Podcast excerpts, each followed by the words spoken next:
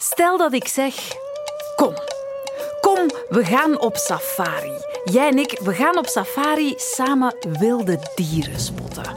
Dan denk je, gok ik, aan een busje in Zuid-Afrika of een jungle in Brazilië of Borneo, olifanten, apen, tijgers, een slang.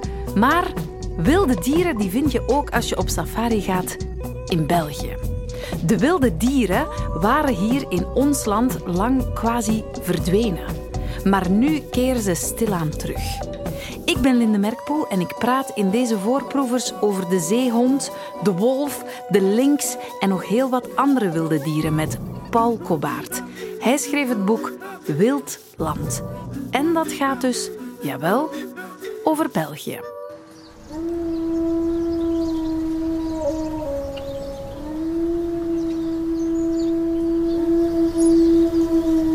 Wat een geluid, hè? En sinds kort, of sinds een paar jaar, terug te horen in België. Want de wolf is terug in ons land. Je moet al in een heel diep hol onder de grond gezeten hebben om dat nieuws te missen. Want er is veel over te doen geweest. Maar hij is niet het enige wilde dier dat in België te vinden is. Of terug in België te vinden is. Ik praat erover met Paul Kobbaert, die er een boek over schreef. En dat boek heet Wildland. Paul, goedenavond. Hallo, goedenavond. Eerst en vooral, jij bent geen bioloog, hè? Nee, absoluut niet. En ik zeg dat ook heel duidelijk in het boek. Ik ben geen bioloog, geen natuurwetenschapper. Ik ben een politiek wetenschapper van opleiding. Een pol en sokker. Een pol en sokker, ja, absoluut. Dat klopt. Dus uh, dat pretendeer ik ook niet. Maar in mijn boek ga ik wel praten met veel mensen die er veel meer van kennen dan ik. En op die manier heb ik geprobeerd eigenlijk een verhaal te brengen. Ja, want praten en schrijven en een verhaal vertellen, dat kan je wel. Je bent journalist. Dat is wel wat ik doe. Ja, ja voor KNAK en uh, de Krant van West-Vlaanderen, onder andere. De Zondag vooral. De Zondag, de zondag... en Krant van West-Vlaanderen. Bijna goed. Ja, de, ja. de Zondag en Krant van West-Vlaanderen ben ik eigenlijk vooral politiek interviewer. Dus dat is eigenlijk wat ik vooral ben. Oké, dan is dit wel een, uh, een zijsprong die je plots neemt. Ja. Hè? Um, want had ik jou gezegd tien jaar geleden dat jij een boek zou schrijven over natuur in eigen land, had je me dan geloofd? Nee, dat denk, het was toen al mijn passie hoor. Maar nee, ik denk niet dat ik u zou geloofd hebben. Dat is, dat is pas later gekomen. Dat ik zeker over wild in eigen land, die passie is pas later gekomen. Maar wilde dieren waren toen al mijn grote fascinatie. Maar dat ik een boek zou schrijven over wild in eigen land, nee, ik had u nooit geloofd. Hoe is jouw liefde voor de natuur ooit ontstaan? Hoe heb je dat meegekregen? Ja, dat is een vraag die ik de voorbije weken wel, wel vaker krijg. Ik denk dat het aangeboren is eigenlijk vooral. Ik denk dat dat vooral aangeboren is. Het is niet dat mijn ouders biologen of natuurwetenschappers zijn. Of wandelaars. Wandelaars, dat wel, dat wel. Maar dus aangeboren enerzijds, ik ben al van kind af aan gefascineerd door wilde dieren.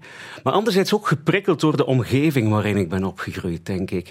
Uh, ik ben opgegroeid in, in een landelijk, landelijke gemeente in West-Vlaanderen, Bekegem klein boerendorpje. Ik heb er zelfs nog nooit van gehoord, van Bekegem. Ja, kijk eens aan. Dat is wel eens een eerste keer. Nee, in Bekegem opgegroeid. Een klein boerendorpje.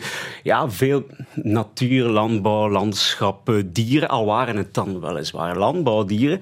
Maar wellicht zal mij dat ook geprikkeld hebben. En als ik dan die verhalen hoor van mijn grootouders, die zeggen ook altijd, als ik boeken las, dan waren het boeken over wilde dieren. Over dieren, over wilde dieren. Ja. Dat is altijd mijn fascinatie geweest. Dus het zal zeker aangeboren zijn, maar ook geprikkeld door, door waar ik ben opgegroeid. Ja, opgegroeid tussen landbouwdieren, dat wel, ja, tussen ja. de koeien. Ja. Maar wat is dan precies de definitie van een wild dier?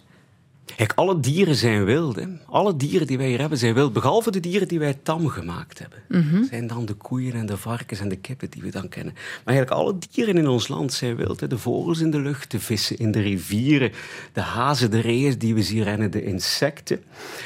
Alleen en het probleem voor hen is, ze leven niet altijd in een wilde omgeving. De omgeving, de natuur is gecreëerd door de mensen in ons land. Mhm. Maar de dieren zijn wild. Ja. Op welk moment heb je beslist, ik wil eigenlijk een boek schrijven over wilde dieren? Het is al een aantal jaren dat ik meer en meer de natuur ben ingetrokken in eigen land. Corona heeft dat zeker ook bespoedig meer en meer dat ik met, met mijn Kodak graag de natuur introk, wilde dieren op foto zetten. En dan zette ik dat af en toe op sociale media en telkens opnieuw viel mij heel hard op die reacties van de mensen. Wauw, leeft dat hier in, in eigen land? Heb je dat in eigen land gezien? En over wat voor dieren gaat dat dan? Vogels, zoogdieren, allerlei. En dat was telkens opnieuw de reactie. En ik vond dat zo frappant. Want inderdaad, ja, wij hebben heel veel schoonheid hier in eigen land. Het wilde leven in eigen land is heel mooi. Maar wij weten het niet. We weten het niet. En toen, omdat dat bleef ik ben eens met een uitgever gaan praten. Ik wou er wel iets meer mee doen. Ja, ik ben journalist, ik ben verhalenverteller van beroep. Ik wou er wel iets meer mee doen. Ik ben toen met Karel Drabbe gaan praten van Artsberg.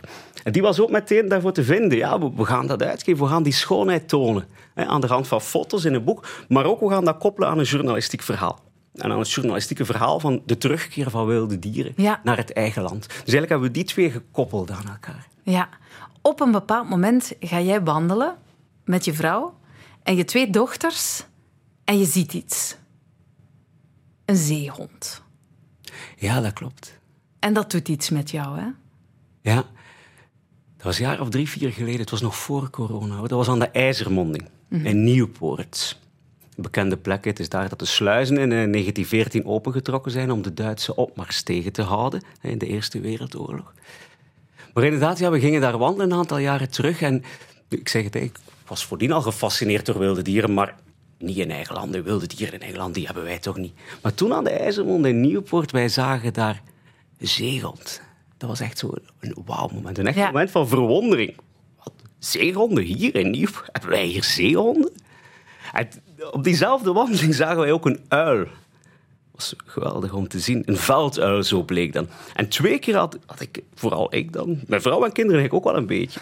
Maar vooral ik had echt zoiets van, wauw, wat een schoonheid hebben we hier in eigen land. De jaren voordien, wij gaan altijd maar op reis naar daar, daar om dieren te zien, zo ver mogelijk, zo exotisch mogelijk. Maar wat een schoonheid hebben wij ook in eigen land. En toen is dat ben ik meer en meer die natuur gaan opzoeken in eigen land. Heb ik die foto's beginnen trekken, heb ik dat op sociale media gezet en kreeg ik die reacties zo is het boek er eigenlijk gekomen. Oh, daar zijn mijn ogen open gegaan voor de schoonheid in eigen land. Ja. De zeehond is een goed voorbeeld van een dier dat terugkeert naar ons land. Een dier dat er, dat er even niet was en nu terug wel. Hoe gaat het eigenlijk met de dieren in ons land, met onze biodiversiteit? De zeehond is inderdaad een van die vele soorten die teruggekeerd zijn. Er zijn veel soorten die teruggekeerd zijn, maar Spijtig genoeg wil dat niet zeggen dat het goed gaat. Ja, want je zou het denken, hè? In Engeland. Ja, dat was eigenlijk de voornaamste les die ik geleerd heb tijdens mijn onderzoek, noem het dan maar, het voorbije jaren. Uh, het gaat niet goed met de biodiversiteit in Nederland. Meer dan één op drie van alle gewervelde dieren zijn zeldzaam of in hun voortbestaan bedreigd. Hier in België. Eén op drie? Meer dan één op drie. Van alle soorten gewervelde dieren. Ja, dat is wel even slikken dan. Ja. Dus het gaat niet goed met de biodiversiteit, ondanks de terugkeer van die wilde dieren. Ja, ook het insectenpeil keldert. Heeft er ongetwijfeld ook iets mee te maken. Absoluut. Um, dus ja, niet super goed, in tegendeel, mhm, slecht mhm. zelfs. En dan lees jij een quote van David Attenborough. Als we de planeet willen redden, dan moeten we de biodiversiteit herstellen. We must rewild the World. Ja, de wereld weer wild maken. Vond ik een heel fascinerend boek. Het was, het was het laatste boek dat hij geschreven had. Vond dat heel fascinerend. Dat heeft mij ook echt wel geprikkeld dat was misschien wel de finale trigger die ik nodig had om hier journalistiek ook iets mee te doen. We moeten de wereld weer wild maken. Ja, en dat kan. Hè. We kunnen dat doen door een aantal kleine... We kunnen dat doen door kleine dingen. Ook hier in België. We moeten België weer wild maken. En dat kan. Dat hoeft daarom, hoeft daarom niet overal. Alles hoeft niet natuur of natuurgebied te worden. Maar met hele kleine dingen kunnen wij ons land weer wild maken waardoor we die biodiversiteit aanpakken, herstellen. Dat vond ik, vond ik een heel prikkelend boek voor mij om hierop verder te werken. Ja, wat we daarvoor moeten doen, precies, daar gaan we het nog uitgebreid over hebben. Heel belangrijk, zeg jij ook, is om te leren kijken naar die dieren. Om stil te staan. Ja, ja want die dieren die ik gezien heb en die ik op foto heb kunnen trekken. Ja, iedereen kan die zien. Iedereen kan die dieren zien. Het komt er vooral op aan om af en toe eens te durven stilstaan, om te kijken. En dan kan iedereen die dieren zien die ik gezien heb, die ik op foto gezet heb. Dus dat vond ik ook een heel belangrijke les. Ja, durf kijken en in eigen land zal je zoveel mooie dieren zien. Ga eens zondag een uur naar een natuurgebied. Of gewoon ga, ga ergens aan een weide zelfs. Ik heb aan een, aan een weide gewoon de wilde kat gezien. Dat was weliswaar in Duitsstalig België. Maar gewoon, dat is ook België, hè? Wat is ook Voilà, helemaal. Nee, dus ga gewoon eens een natuurgebied in en durf kijken. Maar durf vooral, durf kijken. Durf even stilzitten en kijken. Ja. Dat zal je zien. They're back, bitches. En they, dat zijn de raaf, de bever, de zadelsprinkhaan, de otter, de kraanvogel, de grote zilverreiger, de boomkikker, de aalscholver, de grauwe klauwier, de das, de vos, het everzwijn, de wilde kat, de roodborst, tapuit, de kerkuil, de slechtvalk, de steenmarter, de boommarter, de putter, de vroedmeester, pad, de gewone zeehond en ja, zelfs de lynx. Allemaal wilde dieren die opnieuw terug te vinden zijn in ons land. Een boek over de terugkeer van de wilde dieren naar ons land. Daar hebben we het over. Wildland heet dat, een boek van Paul Kobbaert. Maar Paul, hoe komt het dat die dieren ooit zijn verdwenen? Want ze waren hier wel. Ja, dus die dieren waren hier allemaal eeuwen geleden, die waren hier aanwezig. Die zijn niet allemaal helemaal verdwenen. Hè. Dus de, de, de, namen die je opnoemt, ze zijn inderdaad de dieren die terug zijn. De meeste waren ofwel helemaal verdwenen, ofwel zo goed als verdwenen. Waarom waren die verdwenen? Ja, dus door het toedoen van de mensen. Vooral wij hebben de leefruimte ingenomen van die dieren. Hè. De, de, habitat, de ontbossing heeft meegespeeld. Um, de, de, de, vele pesticiden, de bodemvervuiling heeft ook een verwoestende impact gehad op de dieren. Dus het is vooral de mens die eigenlijk leefgebied van de dieren heeft ingepalmd. Die gen heeft verjaagd, figuurlijk, maar ook letterlijk heeft verjaagd, afgemaakt, omdat die wilde dieren werden gezien als onze concurrenten. Hè. Zij waren onze concurrenten, dus zij werden afgemaakt. Anderzijds vervuiling, watervervuiling, rivieren, bodem, luchtvervuiling. Dus al die elementen samen hebben ervoor gezorgd dat eigenlijk die wilde dieren hier verdwenen of zo goed als verdwenen. Doorheen de geschiedenis van de wereld is er sprake van uitstervingsgolven. Ik wist daar eigenlijk niet zo heel veel van. Hoe, hoe, hoe, zat dat? Er zijn vijf uitstervingsgolven al geweest. De laatste was de bekendste wellicht. Dat was die met de dinosauriërs. Dat is zot dat dat de laatste was. Ja. Ja, die is al meer dan 60 miljoen jaren geleden. Ja, en daarvoor waren er dan nog, nog, nog vier. vier. Ja, toen was er eigenlijk van ons, van jij en ik, of van de mens, nog geen sprake. Ja, crazy. Maar nu wordt er dus gevreesd voor een zesde golf. Ja. De eerste die uniek zou zijn, uniek tussen aanhalingstekens, omdat hij zou veroorzaakt zijn door... Ja, door één soort.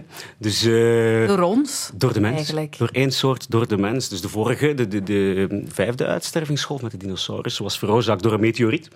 Nu spreken wetenschappers van, kijk, dat is de dreiging die op ons afkomt. Wereldwijd zitten we in een biodiversiteitscrisis. Het gaat heel slecht met de totale massa van dieren op aarde. En het gaat zo ver dat men spreekt over benaderen een zesde uitstervingsgolf. Of sommigen zeggen we zijn al bezig aan een zesde uitstervingsgolf. En uniek aan deze golf is inderdaad wat u zegt, dat deze veroorzaakt is door één soort, zijnde de mens. Dat is nooit eerder op die manier gebeurd. Niet echt iets om trots op te, op te zijn. Niet om eigenlijk. trots op te zijn. Om te begrijpen uh, wat er nu aan het gebeuren is, Paul, moeten we misschien eerst even terugspoelen naar 50 jaar geleden ongeveer, de jaren 70 in Vlaanderen. Hoe was het hier toen gesteld met onze biodiversiteit? Dat is het vertrekpunt in mijn boek. In zo de jaren 70 toen waren wij eigenlijk Vlaanderen, maar eigenlijk België te koer. Een verlaten land, zeg maar. Een land zonder om zeggen wilde dieren, zonder grote wilde dieren. Hoe komt dat? Ja, de reden hebben we net opgenoemd. Maar toen is zo, dus de jaren 70, zeker de jaren 80, is het kantelmoment gekomen. Tot, tot dan dachten we eigenlijk over dieren, ofwel is een dier nuttig. Ja. Dus het wereldbeeld van de mens is toegekanteld. Voordien deelden we zo dieren in, in, in twee categorieën. Ofwel waren ze nuttig, ofwel waren ze schadelijk. Ja. Wat nuttig was, werd tam gemaakt. Ik ga nu even heel kort door de bocht, maar goed, het komt daarop neer. Wat nuttig was, werd tam gemaakt en die gebruikten we voor ons als instrument voor de mens. Wat schadelijk was, die maakten we af, die verjaagden we of maakten we af. Ja. Dat was de manier waarop we eigenlijk keken naar die wilde dieren. Ofwel nuttig, ofwel schadelijk. Ja, en dat, die schadelijke dieren die werden met een toch wel behoorlijk grote verbetenheid Ja. uitgeroeid. Je hebt het er uitgebreid over in, in je boek. Niet bepaald zachtha- zachtaardig gingen we te werk. Eh, je geeft daar een paar voorbeelden om stil van te worden eigenlijk. Ja, Vreed. Ja, ja, heel frappant ook dingen wat, wat, wat ik ook echt niet wist. Ja, zo, eh, er is nog een koninklijk besluit geweest, ondertekend door koning Leopold II. Mensen die eh, een otter, een voorpot van een otter indienden op hun gemeentehuis, die kregen een premie. Gewoon. omdat ze voor plezier een otter doodknalden. Die otter werd gezien als concurrent, werd gezien als concurrent voor de mens in de wateren. Wie een otter doodde en de voorpoot inleverde op het gemeentehuis, die kreeg een premie. Ja. Dank u wel. En een concurrent, omdat een otter ook vis eet? Ja, ja, die werd gezien als concurrent van de mens voor het leven in het water. Ja. ja, ja, ja. ja, ja.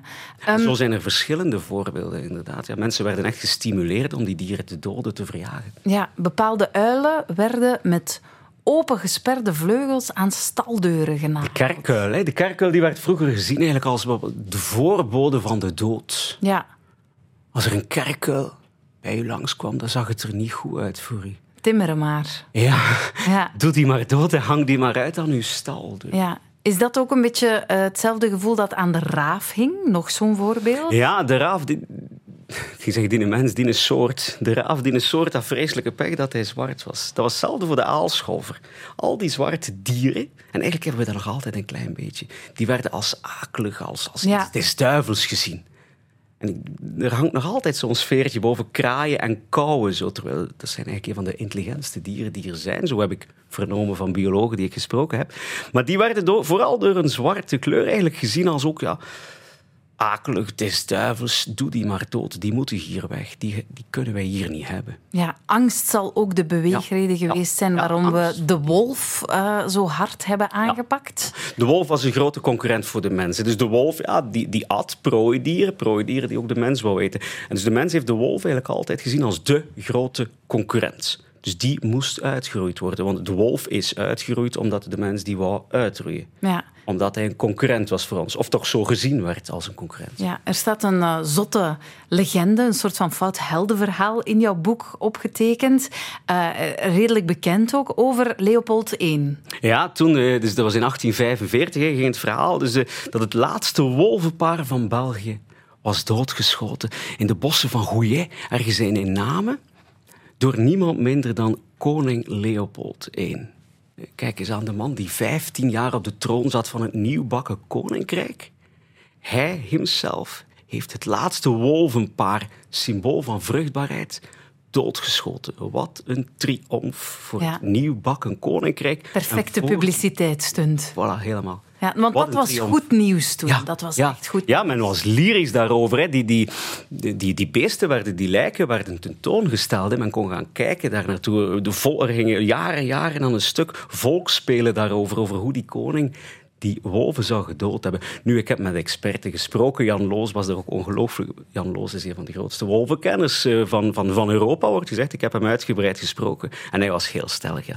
Daar was uiteraard niks van aan. De koning was weliswaar een fervent jager, maar dat er toen nog wolvenparen in ons land zaten, nee, die waren eigenlijk al uitgeroeid. Dat hij een één zaad kan afgeschoten hebben, dat zou eventueel nog kunnen. Maar een wolvenpaar, nee, die wolf was eigenlijk al uitgeroeid. Dat maar het kwam goed uit. Handig, handig Ja, verzinsel. ja. Ja. ja, bevers, oehoes, dassen, raven, concurrenten van de mens, dieren waar we schrik van hadden. Dat was dan blijkbaar de beweegreden om hen te ver- verdelgen. Hm. Maar een van mijn favorieten uit jouw boek is misschien ook wel de meest kleurrijke, schattig, schattig vogeltje. Klinkt zo.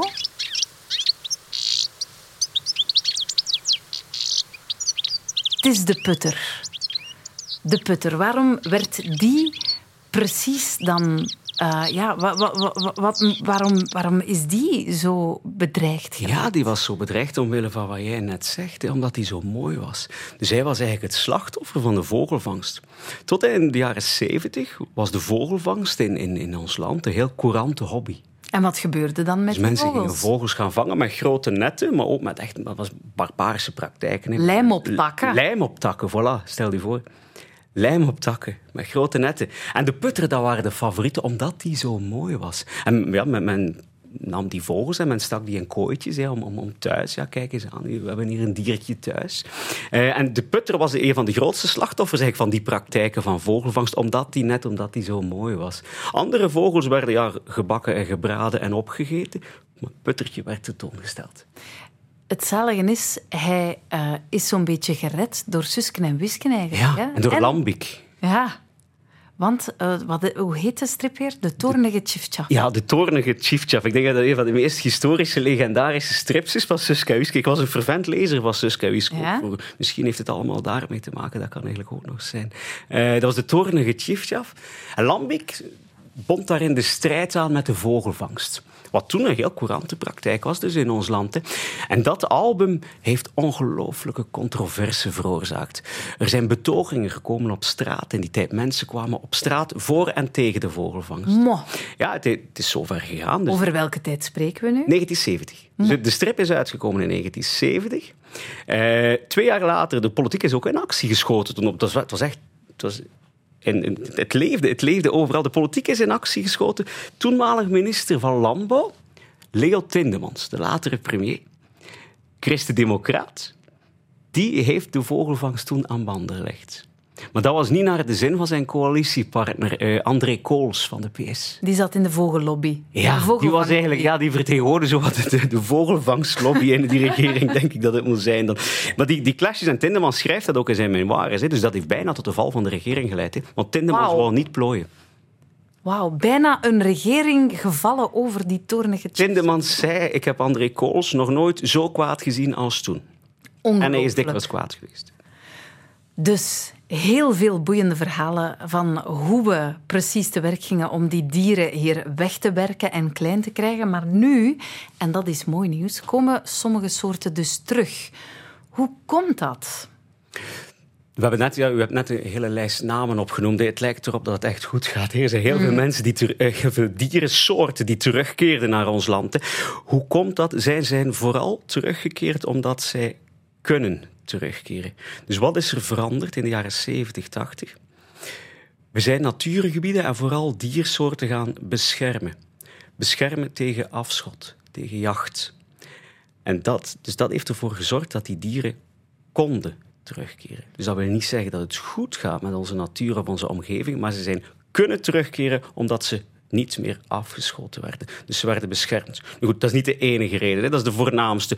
Wat ook meespeelt, pesticiden werden aan banden gelegd. DDT bijvoorbeeld werd verboden. Dat was heel goed nieuws voor de oehoe. Uh, wat, is er nog veranderd? Het natuurbeleid ook is veel beter geworden toen. Hè. Europa heeft dat ook wel in handen genomen trouwens, met, met de vogelrichtlijn en de habitatrichtlijn. We zijn ook groene corridors gaan aanleggen om natuurgebieden te verbinden met elkaar. Wat er ook voor zorgt dat dieren hun leefomgeving kunnen uitbreiden. Maar dus het is vooral, ze zijn teruggekeerd omdat ze kunnen terugkeren, maar ook een beter natuurbeleid heeft ermee te maken. Ja, dus uh, we mogen voorzichtig victorie kraaien ja, over, over die, terug, Dit is die terugkeer. Ja, natuurlijk. Een van de mooiste voorbeelden is, want uh, je zegt hier, de, de oehoe. In bijna elk Vlaams bos zit ondertussen een oehoe. Ja, dat is wat Jeroen de Nagel mij vertelde, de hoofdredacteur van Freed. En ik geloof Jeroen de Nagel als hij iets vertelt. Dus... Uh, hij zei ja, de, de hij vond de oego de meest fascinerende terugkeer. Ik had hem ook gesproken, hij is bioloog van opleiding, ik had hem ook gesproken. Hij zei, de, de oego is eigenlijk de meest fascinerende terugkeer, is een geweldig mooie vogel. Hè. Ik ben blij, want ik, ik zei het onlangs nog tegen mijn lief, dat ik precies in het midden van de nacht in Hartje Edegem een uil hoor. Dat ik s'nachts, ik hoor werkelijk oehoe, oehoe. En ik zei, ik denk dat er een oehoe bij ons in de buurt Je bent gaan kijken dan? Ik, heb, ik, zou niet weten waar hij zit. Het is midden in de nacht. Ik blijf dan meestal gewoon liggen. Maar mijn lief zei tegen mij, dat kan niet. Maar kan dus. Jawel, hij zou, ja, elk bos hoeft dat niet letterlijk te nemen. Maar goed, ja, hij kan inderdaad overal in dit land kan de oehoe, kan de opduiken. Ja, dat geweldig, is geweldig nieuws. Ja. Zeker omdat de oehoe is een toppredator. Die staat bovenaan de voedselpiramide. Dus dit zorgt ervoor dat het ecosysteem mooi rond is, dat dat een ja. cirkel rond is. Want dat valt ook op, grote klemtoon in jouw boek, op de verbondenheid van heel dat ecosysteem. Als zo'n uil terugkeert, dan heeft hij eigenlijk invloed op, heel veel andere dieren. Kan je dat eens uitleggen? Ja, dat klopt. In een ecosysteem is zo dat alle schakels zijn aan elkaar verbonden. Hè. Dus helemaal bovenaan vinden we daar de toppredatoren, hè, zoals de oehoe erin is, maar ook zoals de wolf er een is. Dat zijn, dat zijn soorten die ervoor zorgen dat uw ecosysteem gezond blijft. Zij zorgen voor gezonde populaties in de soorten ondergaan. En die dan terug. En zo hangt alles aan elkaar. Vogels, insecten, vogels eten insecten. Grote zoogdieren eten vogels. En alles is verbonden aan elkaar in een ecosysteem. Want dat, dat is wat ik dan ook schrijf. Ja, op zich, stel je nu voor dat de grauwe gors zou verdwijnen uit ons land. Ja. Een vogel. Grauwe gors is een vogel. ja, ja, ja, ja. Voor de mensen die geen kenners zijn. Ja, stel je voor dat die zou verdwijnen. Zou dat op zich zo'n ramp zijn? Nee. Maar de grauwe gors, of de, de teloorgang, de bijna uitsterven van de grauwe gors in ons land, staat symbool voor de teloorgang van alle soorten vogels die aan landbouwgrond verbonden zijn. Dus en op die manier moeten we het ecosysteem zien als één groot geheel, waarin alle schakels aan elkaar verbonden zijn. Haal daar één schakeltje uit en het systeem ja, loopt, loopt, loopt in, in de knoei. Ja.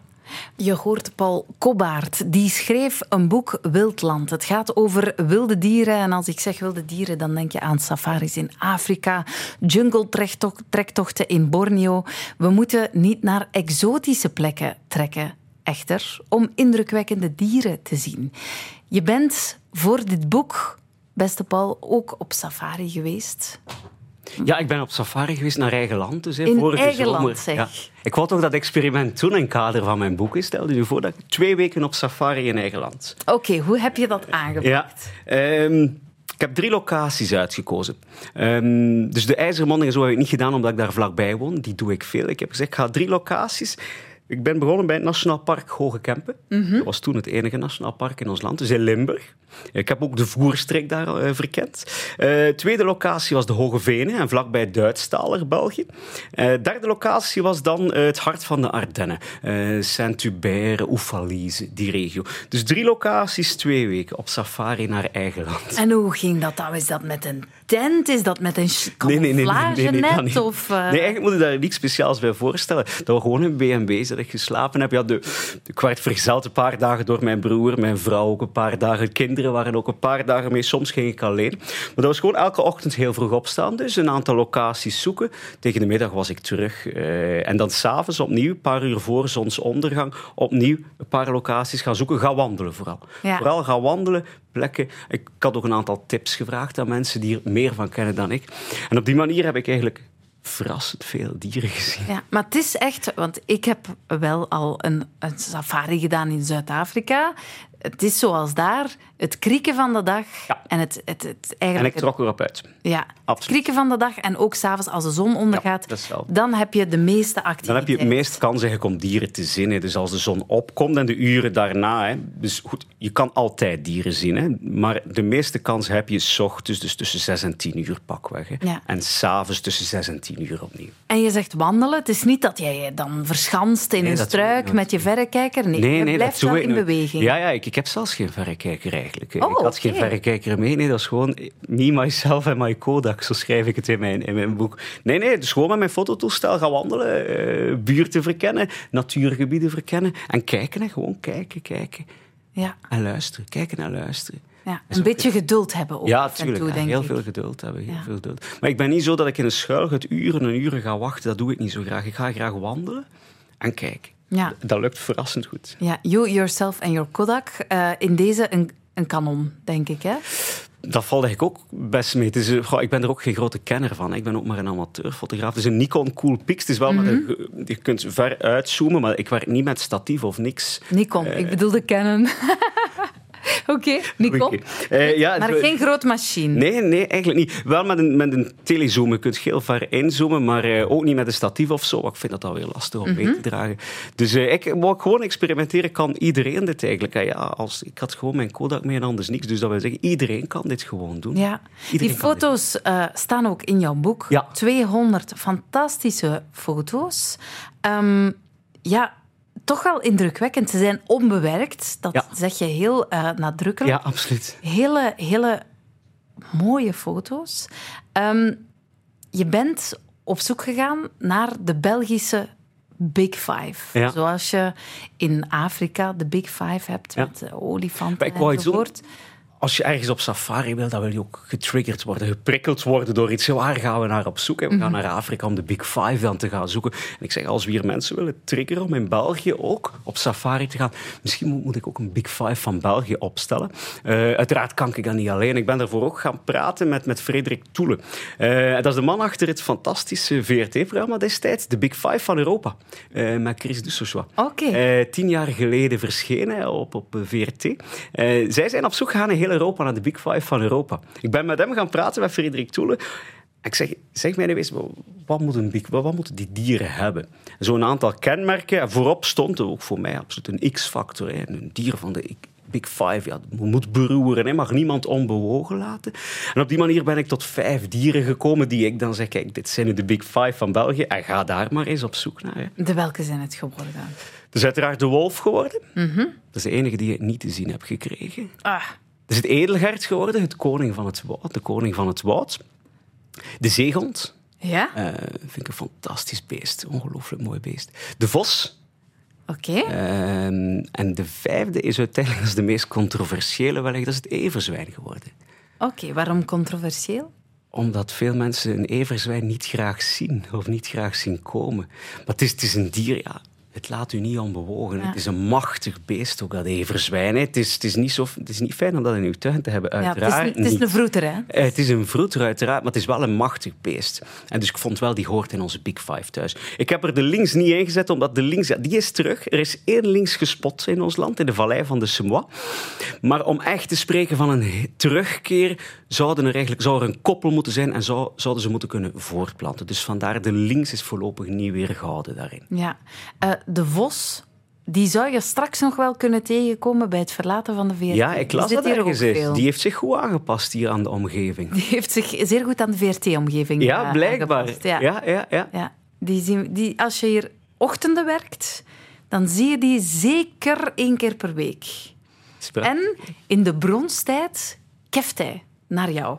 Enfin, naar mij toch. Ja. ja. Misschien heeft het te maken met mijn rosse haardos. Dat, ja. uh, maar uh, ik ben al ooit uh, aangekeft okay. door een, een bronstige vos. Het toont aan hoe dieren zich ook kunnen aanpassen aan de mens natuurlijk. Hè? Ja. Ik las in jouw boek, toen je eraan begon, wou je vooral de schoonheid tonen. Geen moraliserend vingertje opsteken, maar onderweg is mijn insteek uitgebreid, omdat ik niet wist dat we in zo'n diepe crisis zaten. Het heeft me geraakt, meer dan ik had durven vermoeden. Ja, dat klopt wel. Het is, het is een, een emotionele rit geweest ook het voorbije mm jaar. Ja, ik wou inderdaad vooral die schoonheid tonen. Ik wou tonen, kijk eens, wat een schoon wild leven hebben we hier in eigen land. Dat was de insteek van mij. En ik hou niet van moraliseren of het vingertje opsteken. Maar door met al die mensen te gaan praten, met die biologen, natuurwerkers, beleidsmakers, activisten, boeren, noem maar op. Ja, je kunt niet anders dan, dan, dan, dan daar bewogen bij raken. Dan bijna emotioneel bij betrokken raken bij wat er aan de hand is. Ja. En dat zeg ik dan ook in het boek. Ik zeg niet, je mocht dit niet, je mocht dat niet. Maar ik zeg wel, met allemaal, we, kunnen allemaal het verschil maken voor de biodiversiteit met hele kleine dingen. Allemaal met alleen maar kleine landschapselementen. Een keer een boom, een haag, een poel. Maai mij niet, is de actie die nu bezig is. Doe daaraan mee en je maakt een gigantisch verschil voor de biodiversiteit. Dat heb ik dan wel willen meegeven ook. Dus door die schoonheid te tonen, hoop ik dat ik de mensen ook kan raken. En dat op die manier dat we toch die dieren beter gaan, dat we die dieren gaan liefhebben en, en zo ook beschermen. Ja, maar het zal natuurlijk niet alleen van ons moeten komen en ons gazon dat we niet maaien. Er zal iets groters moeten gebeuren. Hè? Wat is jouw missie? Wat zou jij, wat zou jij graag zien bewegen? Ja, natuurlijk. Op beleidsvlak zal er. Ja, wat we moeten doen, ik, ik zeg in het boek, drie dingen moeten er gebeuren. Eén, er moet meer natuur komen. We moeten ruimte maken voor meer natuur. Dat, dat kan grote natuur zijn. Men is bezig met nationale parken. In Wallonië zijn er net twee aangeduid. Dat kan heel klein zijn. Die kleine landschapselementen die we allemaal kunnen doen. We gaan meer dieren moeten redden. Hoe gaan we dat moeten doen? Door onze bodem gezonder te houden. We gaan moeten stoppen met die chemische vuiligheid in onze bodem. Want daar begint alle leven in de bodem. Het begint met wormen en insecten. Mhm. Daar begint het allemaal. En derde is, we gaan moeten leren samenleven met die dieren. Want dat is ook niet evident. En het is niet altijd fijn. Uiteraard niet die everzwijn, die wolf, die daar ginder van ondervindt. Dit is niet fijn. Maar we gaan toch moeten leren samenleven. En het goede nieuws is, dat heb ik ook geleerd, het kan. We kunnen samenleven met die wilde dieren door een aantal kleine ingrijpen. We kunnen samenleven met hen. En bovenal schrijf ik helemaal op het einde, dat is, dat is niet evident, maar we gaan ergens moeten leren aanvaarden dat wij, mensen, dat wij één soort zijn. Hè? Dat wij één soort zijn tussen alle andere soorten. Ja. Is- en we gaan, moeten, we gaan echt moeten leren samenleven, Ja. ook met die wilde dieren. Hè? Die Ja. band met de natuur moet sterker. Hoe gaan we dat doen? Hoe kunnen we daaraan beginnen? Dus dat is, dat is vooral een mentaliteitswijziging. Die is al wat ingezet en dat is ook het hoopgevende. Die is, we spraken daarnet over de jaren 70, toen we dieren indeelden in schadelijk of nuttig. Dat sindsdien is er al een mentaliteitsshift gekomen. Hoor. Dus ik, ik ben hoopvol op dat vlak. We kijken al op een heel andere manier naar die dieren op 50 jaar tijd. Laten we dan nu nog wat verder trekken. Dat kan. Oké. Paul Kobaert, heel erg bedankt voor dit gesprek. Goed kijken als je straks de VRT verlaat, want wie weet spot je wel een vos, die tieren hier welig. Het boek Wildland vind je in de boekenhandel en voilà. Wat houdt je nu eigenlijk nog tegen? Grijp je verrekijker, je kakkijas, je wandelschoenen en ga het bos en de velden in op zoek naar wild. Wie weet, wat kom je tegen?